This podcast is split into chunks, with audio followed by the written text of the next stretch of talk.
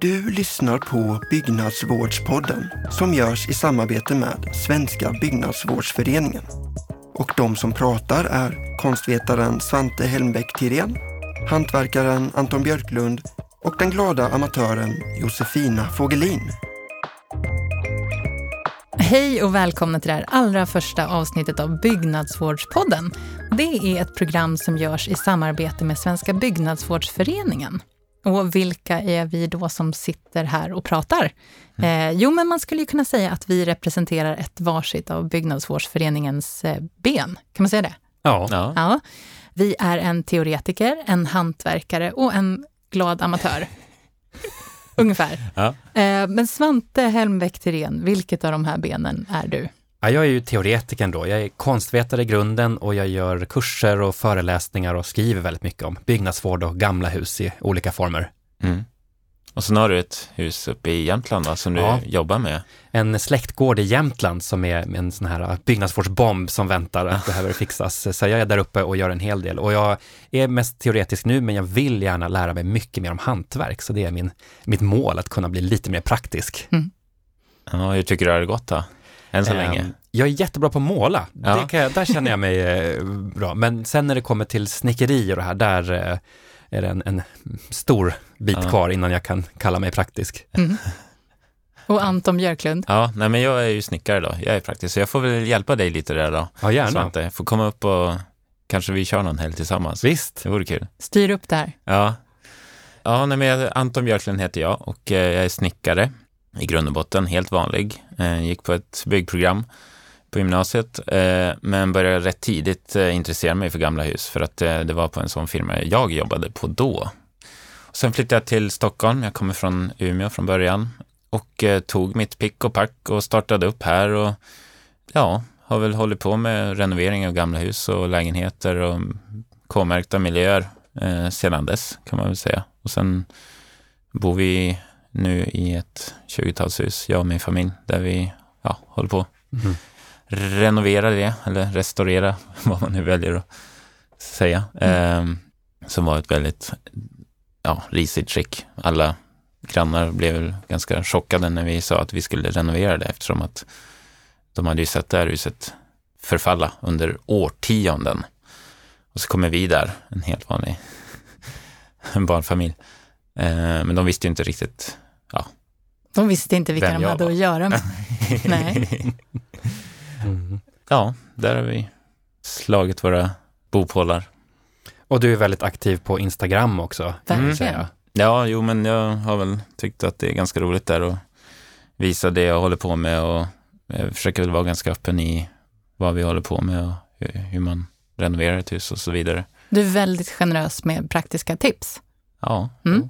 Och det är väl du kul. med Josefina? Du har också en Instagram som ja, många följare. Ja, precis. Eh, Josefina Fogelin heter jag och jag är fortfarande ett tag till eh, kommunikatör på Byggnadsvårdsföreningen. Men jag, jag kom ju in i det här byggnadsvårdandet för att vi råkade köpa ett gammalt hus. Eh, och min man, var, jag tyckte att gamla hus var väl fina och så, men jag hade väl inget direkt intresse av det.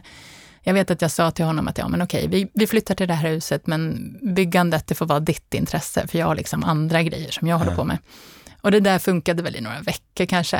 Eh, men jag kom ju med konstiga Sen förslag. Blev det hooked. Ja, men det går ju inte att leva så liksom. Eh, det blir ju ett gemensamt eh, projekt, det blir en livsstil. Ja.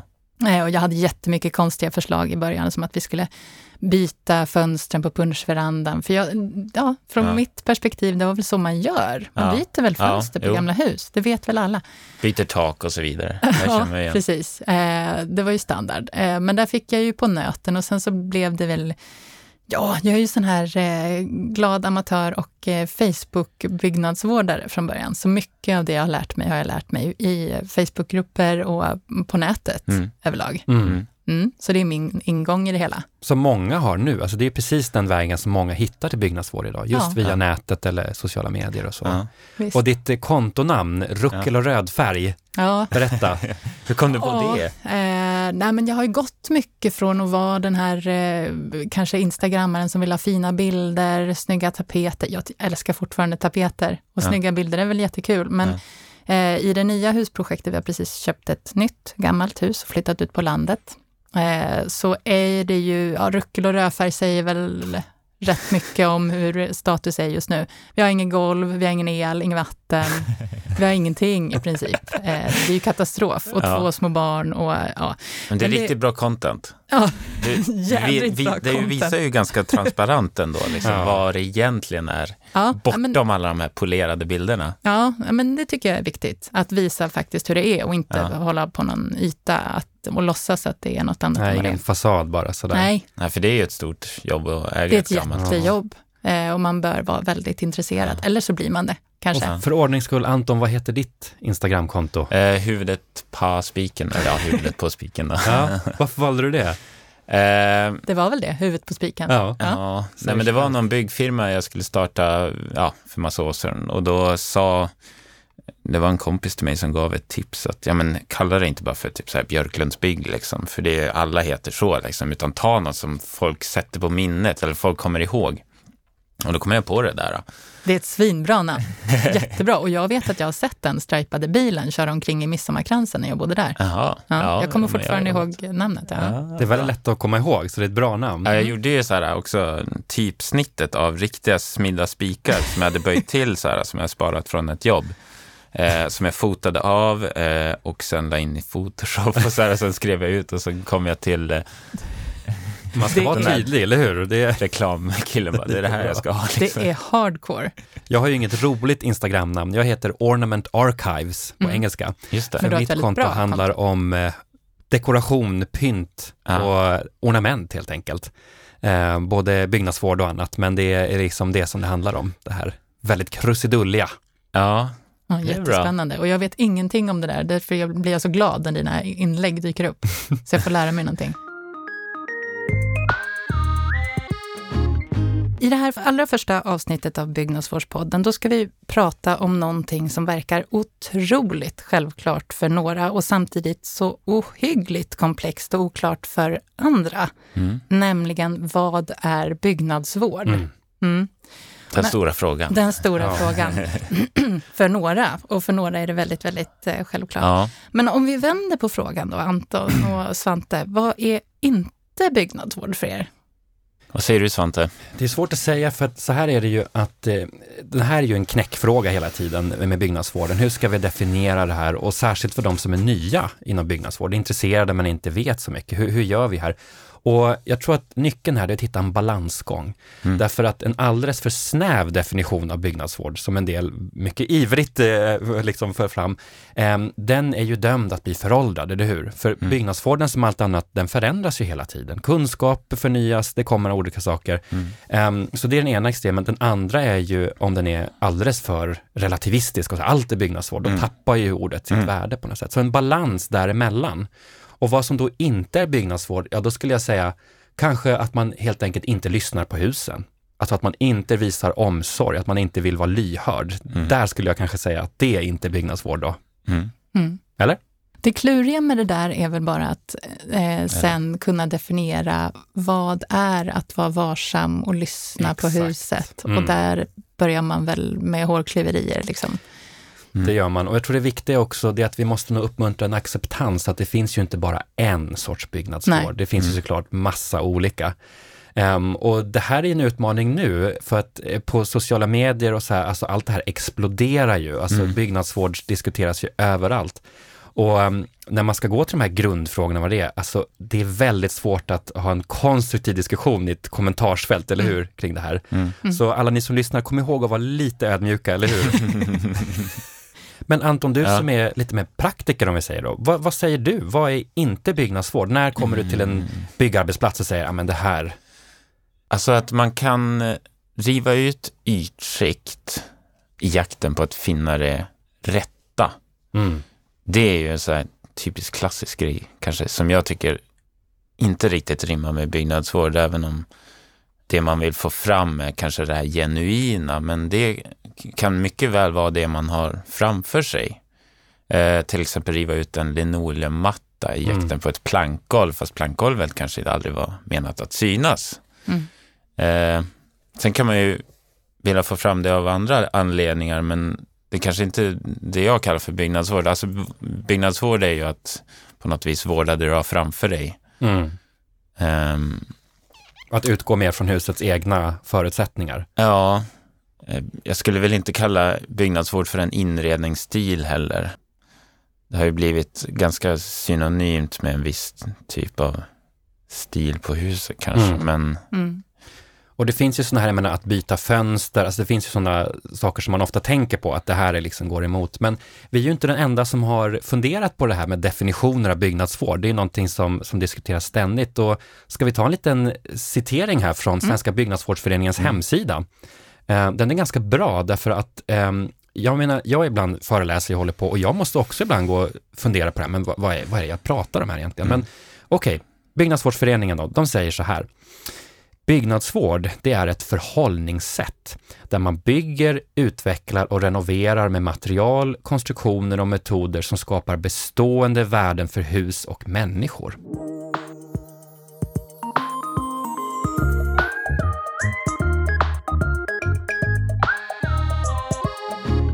Nu ska vi prata med Vicky Venander som är byggnadsantikvarie och byggnadsingenjör och också varit ordförande i Svenska byggnadsvårdsföreningen. Är du med oss Vicky? Jajamän, jag är här.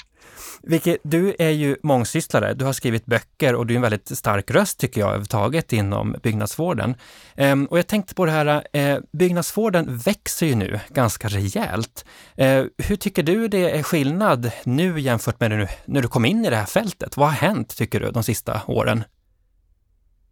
Ehm, jag tänker att för, de om vi då pratar om för 20 år sedan, 20, 15-20 år sedan, så var ju byggnadsvård eh, eh, kanske inte, inte med egen vilja, men ändå någonting som var lite exklusivt. Det var någonting där man så, liksom strävade efter att man hittade sitt fantastiska objekt och så skulle man då eh, göra rätt hela vägen. Allt skulle vara rätt. Det fick inte bli fel och, och, och rätt eh, dörrtrycke till rätt dörrblad och Mm. rätt foder till rätt dörr.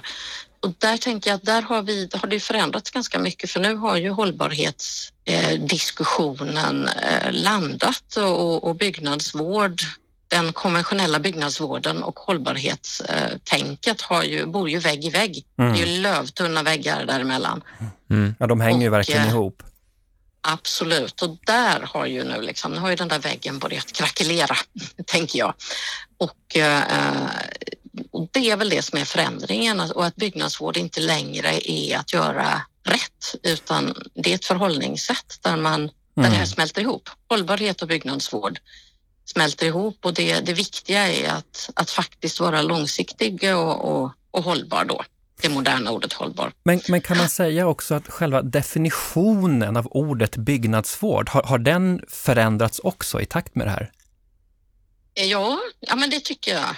Eh, nej, ja, jag tänker att det kanske finns flera definitioner på byggnadsvård idag som liksom löper parallellt. Eh, därför att några tänker just hållbarhet i första hand och andra kanske tänker just eh, det här andra som jag pratade om, att, att det faktiskt handlar om att återskapa eller återställa Mm, eller mm. skapa en känsla eller stil. Eh, och det gör väl att, att idag kan man använda ordet byggnadsvård på många olika sätt och det är ju på sätt och vis bra och samtidigt kan det bli missförstånd därför att den ena på den ena sidan bordet menar en sak och den andra på andra sidan bordet menar något annat. Mm, Så det att, finns eh, utrymme för fler tolkningar så att säga, men det kan också leda till lite Absolut. förvirring. Men jag tänker Ja. också på det här med att nu har ju byggnadsvården på ett sätt blivit väldigt digital. Alltså nätet svämmar över med Facebookgrupper och man kan googla sig till saker på ett annat sätt än förut. Vad, vad gör det, tror du, för byggnadsvården? Att det nu finns information och diskussionsutrymme på ett annat sätt än tidigare? Det tror jag bara är bra. Jag kan inte se något problem med det egentligen. Eh, Det, det, är ju, det är ju bara ett medel för att nå framåt. Sen är- kan ju allting misstolkas och missbrukas och, och, eh, och så vidare. Men det kan man ju göra i, även om inte de här medlen fanns på vägen. Mm. Så jag tycker det är jättebra, men som allting annat så behöver man ju någon slags eh, ja, vad vi ska kalla det, köranvisning, någon, någon överenskommelse om hur man hanterar de här olika media. Och det till sist här, om man tänker på framtiden, för nu växer ju det här enormt och det har liksom smält ihop med klimatfrågan och hållbar omställning. Vad tänker du, vad är byggnadsvård om 20-30 år, om du vågar spekulera? Eh, om det blir som jag hoppas så tänker jag att det kanske inte, att man inte behöver prata om byggnadsvård utan då är det någonting som man, som man gör av sig själv som det var mm. före den alldeles moderna, det som jag numera brukar kalla för petroleumåldern. Mm. Att tiden, tiden innan vi blev så enormt industrialiserade så, så fanns ju inte begreppet byggnadsvård. Då tog man bara hand om sina saker eftersom de hade ett, ja, hade ett ekonomiskt värde som gjorde att det inte var värt. Man ville inte kasta saker förrän de var utslitna. Mm. Så helt, helt eh. vanlig omsorg helt enkelt, eller? Mm. Ja, helt vanlig omsorg, sunt förnuft. Och då tänker jag att då, är, är, då kanske vi jag själv och andra som jobbar i den här branschen inte behövs längre. Mm. Oj, vad spännande. Ja. ja, då får man väl hitta något tanke. annat att leva på. Ja, men Vicky, tack så jättemycket för att du var med och berättade. Ha det bra. Eh, lycka till. Hej då. För mig är någonting en känsla som växer ju mer jag lär mig att jag går mer kanske från den här tanken om byggnadsvård som en stil mm. eh, till någonting som handlar mer om material. Och just nu, om man nu ska eh, hårdra, det finns ju eh, arkitekturupproret mm. eh, som pratar mycket om att man inte ska bygga fyrkantiga lådor.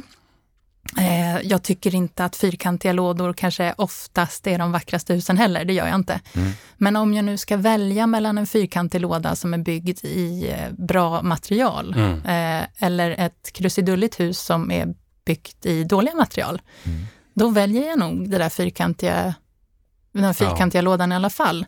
Och det är nog en skillnad hos mig själv från för några år sedan. Men hur känner ni? Har ni, eh, har ni utvecklats er tanke kring vad byggnadsvård är eller har ni alltid varit stensäkra? Jag hoppas att jag blivit mer ödmjuk med åren. Det får andra eh, svara på. Men jag tänker att ofta är det så att man har ju en ingång. Äh, trasmattor, ja, munblåst glas, mm. kakelugnar, snickarglädje. Mm.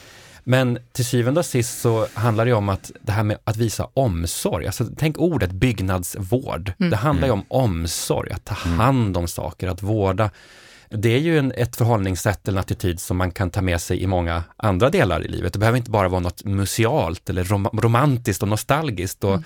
och jag tänker också att det som håller på att hända nu, det är just att byggnadsvårdsrörelsens idéer, det pratar vi om hela tiden, men det ligger ju helt i linje med allt det här kring hållbarhet, mm. Eh, grön omställning. Så att det har liksom tappat lite den här nostalgifokuset, mm. alltså bara, det här är någonting som går lite djupare. Så just att det är inte bara, det är inte bara trasmattor och en stil, utan det, det är faktiskt ett förhållningssätt, en mm. attityd. Eller, ja. Absolut. Jag tycker det är den där miljöaspekten i det hela, den har verkligen stärkts för mig mm. mm. de senaste åren. Eh, hade jag fått frågan för tio år sedan, då hade jag nog svarat det här liksom lite mer typiska, ja men det är gamla hus och det är mm. timmerstugor och så vidare. Nu har den bilden förändrats ganska mycket. Du kan ju vårda ett hus från 2000-talet lika mm. bra. Mm. Du använder inte samma material kanske. Jag menar, det är inte som någon som sätter in pappspänning i en 70-talsvilla, liksom, utan du använder ju material kanske som är från den tiden då. Mm. Eller som är bra för huset. Um, det är väl kanske i och för sig två olika saker material från tiden eller material som är bra för huset? Absolut. Eller? Mm. Alltså skulle man ta ett hus från 70-talet så är det mycket plast och, och mm. glasull liksom. Mm. Och det är kanske, enligt mig i alla fall, inte helt bra för huset. Eller bra för miljön för den delen. En extremt spännande antikvarisk eh, fråga. Hur vårdar vi 80-tal, 70 80-talshusen om ett tag? För det är ja. inte så lång tid kvar innan Nej, de är 40 år nu, ja, så att, eh, jag hörde på något radioprogram för ja, ett år sedan ungefär, där hade intervjuat olika länsstyrelser och de har problem med eh, att, att eh, liksom hitta och få förslag på eh, byggnader från 70-80-talet eh, som är liksom värda att bevara för framtiden. Det har ju sagts någonting om att hus är, lever liksom som farligast efter 30 år någonstans där. Mm. Och det är ju, ja, då är vi ju uppe egentligen nu på 90-talet. Mm. Liksom efter 40-50 år, då börjar man liksom inse att ja, men här finns det någonting värt. Men just den där 30-årsgränsen verkar som att det är ganska farligt för många hus. Mm. Det kan man ju se tillbaka i historien också. Mm. På 60-talet så kanske 30-talshus eller 20-talshus var ganska hårt renoverade. Och det är ju inte heller alla som håller med oss i det att 70-talshus eller 80-talshus bör bevaras. Av de som lyssnar på det här programmet så kommer inte alla tycka att det, att det är så, helt självklart. Jag har ett väldigt aktuellt exempel. Mm. Jag skriver ibland för Gård och Torp, eh, tidningen mm. då, eh, och där skrev jag en krönika om just furu. Mm. Furu från 60, 70, 80, ja 90-tal. Det är mm. svårt att, att ta en tidsgräns. Fulfuru. Um, ja, fulfuru kan man väl säga. Jag är uppvuxen i Norrbotten där ja. det, var, det var ju furufestival ja. överallt. Var det sån här kryddhylla med lampa Det var allt, det var lampor, alltså det var ju, och, och också att, för jag menar, det finns ju en sån här, vad ska jag säga, gillestuga kitschfuru ja. som är ganska kul, men sen finns det också mycket mer liksom icke-spektakulär, lågmäld furu, ni vet. Som typ också alla så här vardagsvaror ja. som brödkorgar och... Exakt, och paneler och allt vad det var. Och jag skrev en krönika om det, för jag själv, jag, jag fattar ju att det här är ju såklart ett kulturarv och det finns de som redan nu är otroligt förtjusta i det här och tycker ja. att det, och inte bara på ett retrosätt, utan tycker mm. genuint att det här är fint. Liksom. Ja. Mm. Jag har personligen jättesvårt för det, men, men jag förstår ju att det här är någonting som kommer att vilja bevaras och jag vet inte mm. om tio år, alltså det är jättesvårt att säga. Um, och då skrev jag den här krönikan och sen så gjorde jag ett inlägg också i en, en icke nämnd Facebookgrupp mm -hmm. som handlar om byggnadsvård. Mm -hmm. Och det här blev, eh, tror jag, ett av de mest polariserade inläggen som... Eh, Spännande. Ja, det fanns de som sa, åh men tack för att du tar upp det här, jag tycker det här är så viktigt. Ja. Och, så här. och så fanns det de, men Svante, vad håller du på med? Det här är inte byggnadsvård. Och eh, administratören i gruppen sa till slut, nej, det här, stängde av, det här får inte diskuteras, det här är inte byggnadsvård. Ah. Så, punkt. Det är så spännande. Är mm. Någonting som jag har märkt som en sån här glad amatör som kom in som Facebook-byggnadsvårdare egentligen, att jag hade lärt mig allting som jag kunde om byggnadsvård från de här Facebook-grupperna. Eller i alla fall från olika sätt på, på nätet.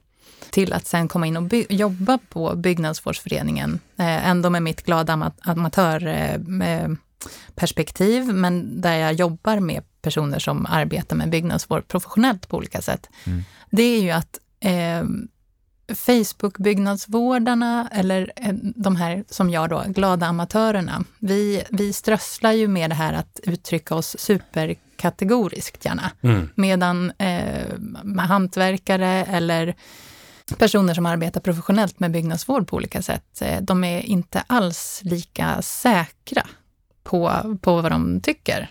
Mm. Varför tror ni att det är så? Eller känner ni igen det? Mm. Att man kan problematisera ja, ämnet mer. Det är ofta så också, om man tänker, för många antikvarier som jobbar så kommer det någon från allmänheten säger, men, men upprört exempel, men hur kan det här ske och så vidare. Och, och saken är att när man ska avgöra kulturvärden och sätta sig in i, men hur ser den här byggnaden ut? Vad finns det för olika tidslager? Hur hänger allt ihop? Det är inte lika lätt att förklara sådär i en, en handvändning som, som en del annat. Va? Så att det kan mm. vara förvirrande för många människor. Um, och det är inte alltid så att det som man tror är det absolut mest pittoreska är mm. det mest värdefulla mm. heller. Så att det där är, när man verkligen tar sig tid att lyssna på en byggnad, då finns det sällan några enkla svar. Eller vad säger mm. du Anton? Det finns kvaliteter i alla typer av hus, alltså från olika årtionden. Som vi pratade om 70-talet förut, där finns det ju också alltså värdefulla eh, detaljer som kanske är värda att bevara för framtiden plastlister och sånt där. Inte nödvändigtvis, men det finns ingen som ritar ett hus utan någon sorts tanke. Mm. Och det, den tycker jag kan vara ganska värdefull. Det finns ett eh, museum i Östersund, ja, Jamtli, där det är ja. Mm. Skansen. Ja. Det är inte Skansen, det är ett nej, eget men, friluftsmuseum. Ja, det är ett friluftsmuseum. Ja. ja. men där har man ett Eh, ett, hus från 70-talet, eller om det är en lägenhet. Mm. Men i alla fall, ja det är ganska mm. läckert liksom. Mm. Och jag tycker det var så här, bra också att man lyfte fram den delen, så här, för alltså det var inte så länge sedan, men ändå så här, känns det ju kanske lite så här äh, nostalgiskt. Och, mm. Mm. och det är liksom för nära i tid för ja. att vi ska förstå att det är någonting exotiskt med det här.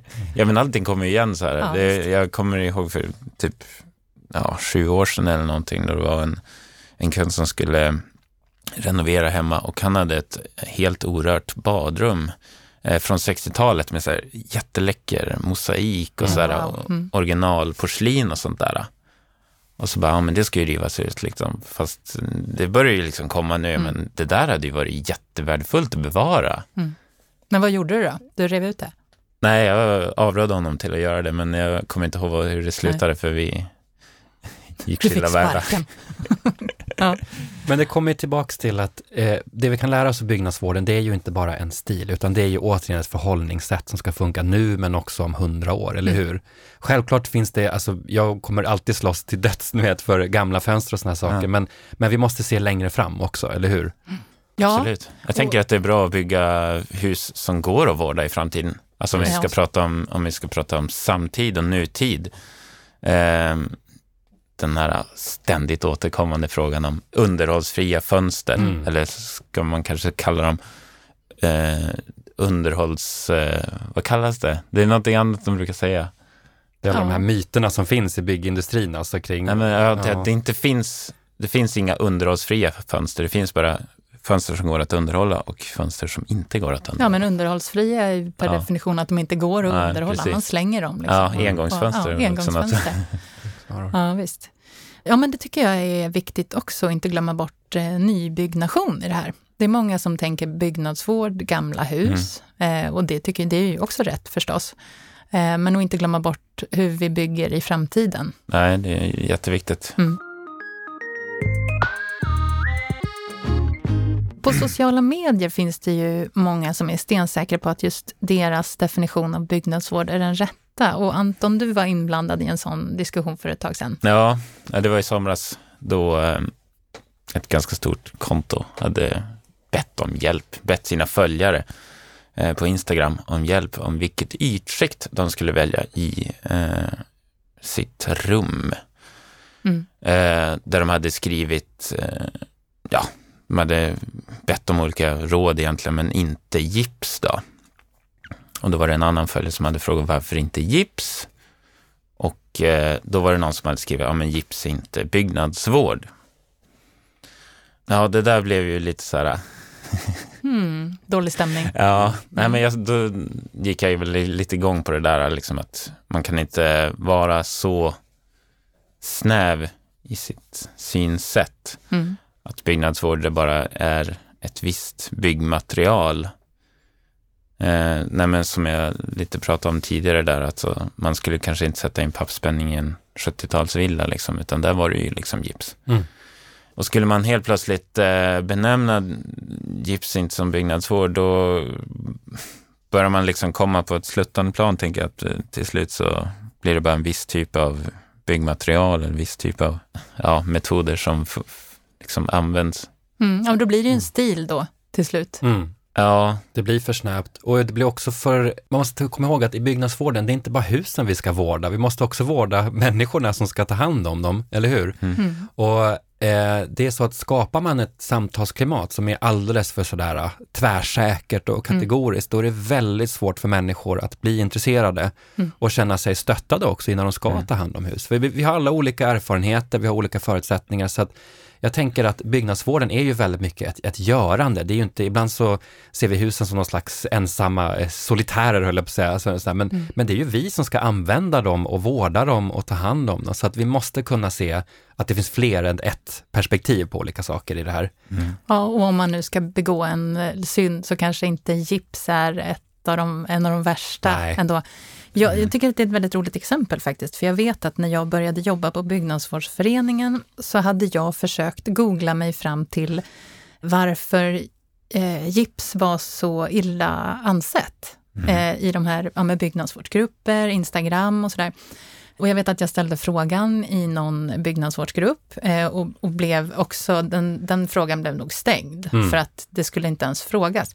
Så det första jag, den första frågan jag ställde till Stefan Fickler då, som är verksamhetsledare på Byggnadsvårdsföreningen och min chef, eh, var Stefan, varför är, det så, varför är det så farligt med gips?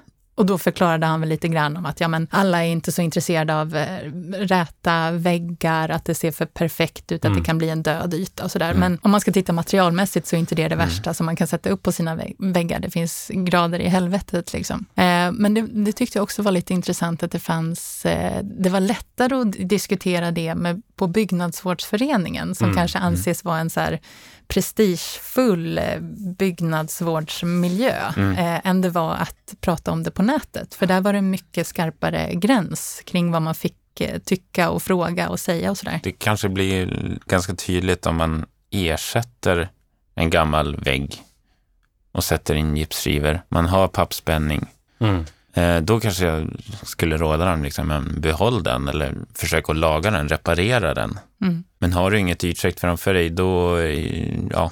Alltså själv har vi ju, alltså jag och min man fått vara lite pragmatiska också i Dels har ju husägandet varit ett lärande. Mm. Vi har ju lärt oss medan vi har gjort. Vi har läst på medan vi har liksom varit i projekten. Och där har vi ju fått vara pragmatiska. Vad mäktar vi med? Mm. Eh, vi började med att när vi var tvungna att av olika anledningar plocka ner eh, tre texten mm. i ett av rummen så då, då pappspände vi, för vi, vi såg att det hade varit pappspänt där tidigare. Mm. Eh, och sen så insåg vi att vi har ett gigantiskt hus, vi har två barn, vi, har, vi jobbar heltid, vi vill ha något slags liv. Eh, vi, mm. vi mäktar inte med att fortsätta pappspänna. Och då, mm.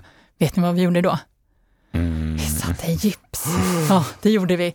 Och det säger jag nu så här, mm. bara så. Det blev lite dålig stämning här.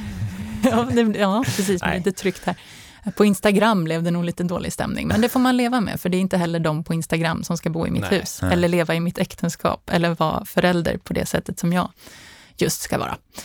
Eh, så det får man nog bara ja. bita ihop. Men, man får, ta, man ja. får nog vara beredd på att kompromissa lite om man ja. inte ska liksom jobba med sitt hus i, i all evighet. Liksom. Och det gör man ju ändå, höll jag på att säga. Ja, alltså, även i den mest påkostade, antikvariskt korrekta, ja. alltså, man, man, måste alltid kompromissa, så är det. Mm. Och sen tror jag också att det här, som vi kan kalla det för materialmoralism, mm. kom på ett nytt ord här. Oh, um, alltså den viktiga frågan är ju, är det reversibelt eller mm. inte? Alltså mm. gör man ändringar som går, för att jag menar, okej, okay, gipsskivor, det kan vi vara hur upprörda med som helst, men lagret bakom finns ju kvar. Mm. Och jag menar, om vi nu ser ett ödehus till exempel som är på väg att gå helt åt skogen och någon mm. räddar det i sista stund och så sätter de ut det i gipsskivor Alltså, mm. det går ju att ta bort. Mm. Det är ju inte världens grej, tycker, kan jag tycka. Så att mm. säga. Jag tycker det viktiga är att, okej, okay, då finns huset kvar, man ser till att de mest eh, viktiga värdena ändå bevaras på mm. något sätt. Absolut. Sen den här petnivån, det är inte det vi ska fokusera på, tror jag, Nej. inom byggnadsvården. Men om ni eh, skulle säga någonting som ni inte skulle kunna kompromissa med då?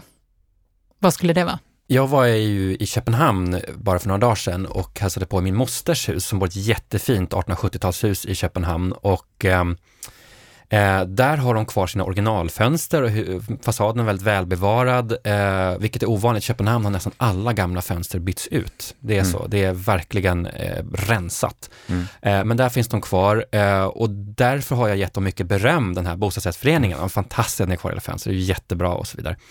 Um, men sen tog de bort stuckaturen runt en 1870-talsport. Mm. Och där har jag svårt att vara eh, nyanserad och diplomatisk och så. Där blir jag faktiskt mm. förbannad. Ja. Jag hade pratat med de här porten, den var väldigt kraftigt övermålad stucken, så det såg ju grötigt ut. Men jag sa, mm. att det här är en jättefin sak och um, visst ska ni förändra, se till att ha kvar det eller åtminstone mm. plocka ner det så det går att tillbaka. Man har slängt alltihopa. Mm. Och där, tyvärr, där slutar min tolerans. Mm. Där går gränsen. Ja. ja. Och för dig då Anton? Um, jag brinner ju jättemycket för funkiskök och alltså originaldetaljer från mm. 40-50-talet. Jag tycker de är fantastiska. Så jag blir jätteglad liksom när folk hör av sig och vill ja, men anpassa dem till dagens mm. standard och mm. bygga om dem istället för att bara kasta ut dem. Mm. För det är jättebra kvalitet i dem. Mm. Och folk börjar lyckligtvis inse detta mm. och förstå liksom värdet och till och med liksom mäklare man ser liksom som lyfter fram det här istället för att liksom säga att ja, det är originalkök och det, det behöver egentligen bytas ut. Utan det är, någon, det är en tillgång. Liksom. Det tycker jag är otroligt positivt. Mm. Och nu sitter jag och hummar, mm, mm, säger jag. Eh, och det är ju en av mina värsta synder kanske. Alltså det var det första vi gjorde i vårt kök i förra huset. Eh, jag visste inte att man kunde anpassa köken. Mm. Eh, och det är det väldigt många som inte vet. Mm, det, det, kanske, det kanske vi skulle prata lite om. Ja. Vad är det man enkelt kan göra? Vi slängde ju ut ett 50-talskök. Vi slängde mm. inte ut det. Vi gav det faktiskt till några kompisar som har det i sin sommarstuga, åtminstone. Mm. Så det är ja. inte kastat. Eh, Men jag tyckte ju att det var, dels var det lågt, eh, dels så var det ofräscht, för det var ju möss som hade sprungit och kissat och bajsat i det där. Eh, Jag tyckte det kändes sunkigt liksom. Mm. Men vad kan man göra då? då? Superenkelt. Ehm, alltså oftast är ju grundstommen, det är ju liksom i furu. Eh, någon gång på- Fulfuru. Nej, finfuru. Ja, men målad Ja. furu typ. Eh, så att eh, det går ju liksom att skrapa allting rent om man vill få fram originalytskikt och sen målar man det då. Men sen Blir det om, fräscht då? då? oj, Ja, men känns det liksom inte... det blir inte liksom Ikea-laminat fräscht kanske. Men det är lite, lite vad man har för och Men egna vill prefer- man det? Ja, precis. Ja. Men det är ju liksom känslan att det går att underhålla liksom, Mm. om det blir ett hack, om jag kan spackla i det och måla igen eller ehm, huset vi har på landet, där har vi ju ett kök som är ihopbyggt av fem olika funkiskök tror jag. För jag har liksom samlat på mig genom åren. Det är rätt många tyvärr i Stockholm som eh, säljer dem på Blocket eller Mm. ger bort dem. Mm. Så blir det att jag åker och hämtar. Eh, så där byggde jag om rätt mycket liksom. Och målade allting enhetligt och, enhetligt och satte på knoppar och sådär. Det är ingen som kan se att det är olika eh, kök liksom. Det, jag tycker det passar jättebra Mm. och kvaliteten är fantastisk. Mm. Och sen om, om man vill eh, liksom anpassa det, man kanske vill sätta in en diskmaskin, då är det tyvärr så att man kanske får offra ett skåp liksom. Oftast i närheten av diskbänken då. Eh, och sen måste man höja diskbänken då, för de kanske var på 80 då. Nu vill man nog ha på 90 då. Mm. Eh, och då brukar jag mest bara liksom höja det precis under diskbänken, att man sätter som en extra list där, beroende på hur högt man vill ha det då. Så får man plats för antingen för en extra låda eller för skärbräda eller någonting. Eller så höjer man liksom under sockeln då, att man gör en högre sockel då, så att liksom hela stommen kommer upp då. Den, gyllene regeln här som vi tjatar om hela tiden i byggnadsvård, det är också låt det ta tid. Alltså Mm. känn in huset, känn in det här köket, vad är det som finns där? Ja visst, Mm. när man kommer in i ett kök som är helt eh, bara musskit och alltihopa, det är klart, det blir ju ingen rolig upplevelse. Mm. Men om man får fundera i ett halvår och tänka på, men vad är det här för material? Vad finns bakom ut, ytskikten och Mm. kan man måla om och så vidare? Det är då man liksom hittar den här bättre vägen, tror jag, Mm. eh, att ta klokare beslut. Ja, det finns ju många grejer vi har gjort i vårt hus som bara vi har Mm. lärt oss längs vägen och då tyckte jag ändå jag var hyfsat duktig, kanske för två, tre år sedan liksom. Så det är hela tiden. Få pröva sina egna, Mm. ja, vad säger man? Och vi måste prata mer om när det går fel och när vi misslyckas, tror ni inte det? Jag tycker alltid det är jättespännande att prata om när det blir fel, när man har gjort, man tänkte så rätt, det blev så fel. Mm. Sånt Ja. växer vi av tror jag och det är Mm. nog bra också för byggnadsvården att, att ha med det i vårt liksom, samtalsklimat, Mm. eller hur? Mm. Mm. Byggnadsvård, det är ju som vi konstaterat inte bara en typ av kunskap, det är ju flera olika områden. Eh, och jag tänker att alla vi som sitter här då, en teoretiker, en praktiker och vad kallar du dig Josefina? En, Glad amatör en glad amatör, husfixare. Ja. Alltså allt det är ju byggnadsvård. Jag som teoretiker måste ju ha den praktiska kunskapen också Mm. för att förstå saker och vice versa. Mm. Och sen behöver vi de som ju faktiskt gör byggnadsvård, som faktiskt tar hand om husen. Så jag tycker det är väldigt fint att byggnadsvården är ett område där det inte bara finns en grupp som står högst upp, utan det här gör vi tillsammans på något sätt. Det är en folkrörelse. Ja, det det tycker jag är jättebra. Det där tyckte jag instagrammaren som kallar sig för husprataren, hon sa det väldigt eh, fint i ett instagraminlägg för ett tag sedan, att hon upplever byggnadsvården med alla sinnen. Eh, hon kan uppleva det eh, teoretiskt Just eh, och hon, hon luktar byggnadsvården på materialen, de här gamla, tunga, lite fuktfyllda stugorna som hon går in i. Hon känner eh, med händer och hon klättrar omkring och, och tittar och hör. Hon upplever byggnadsvården med alla sina sinnen. Just det, smaka på den. Ja, eller va? Slickar du på husen?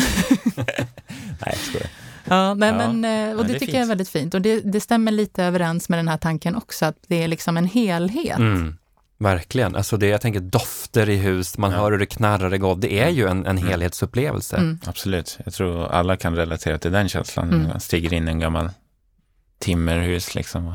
Mm. Jag måste bara säga också att Husprataren är ett av mina absoluta favoritkonton Ja, som väldigt finns. fint. Så bara en, Väldigt en fint. stjärna till Ja. Lotten som har det här otroligt fina Absolut. kontot. Ja, Toppen är det. Nu är det dags att avrunda det här allra första avsnittet av Byggnadsvårdspodden, Mm. som är lite av ett experiment. Vi vet inte riktigt vart det ska ta vägen. Och innan vi slutar så vill vi passa på att tipsa om eh, Byggnadsvårdsföreningens sajt, byggnadsvård.se. För där finns det flera hundra artiklar med byggnadsvårdstema eh, och ännu fler besvarade byggnadsvårdsfrågor som medlemmar har skickat in. Och det är ju en fantastisk kunskapsbank som faktiskt besöks av hela 35 000 eh, personer, unika besökare i månaden. Mm. In och kolla där, tycker vi. absolut. Verkligen. Och bli medlemmar i Svenska Byggföreningen, vill jag bara Absolut. igen säga. Det tycker vi. Tack för idag då hörni. Ja, tack Vi ses snart igen. Ja, Tack så mycket. Hej då! hej då. Hej. Du har lyssnat på ett avsnitt av Byggnadsvårdspodden som görs i samarbete med Svenska Byggnadsvårdsföreningen. Du hittar oss på sociala medier och fler avsnitt på byggnadsvard.se. Tack!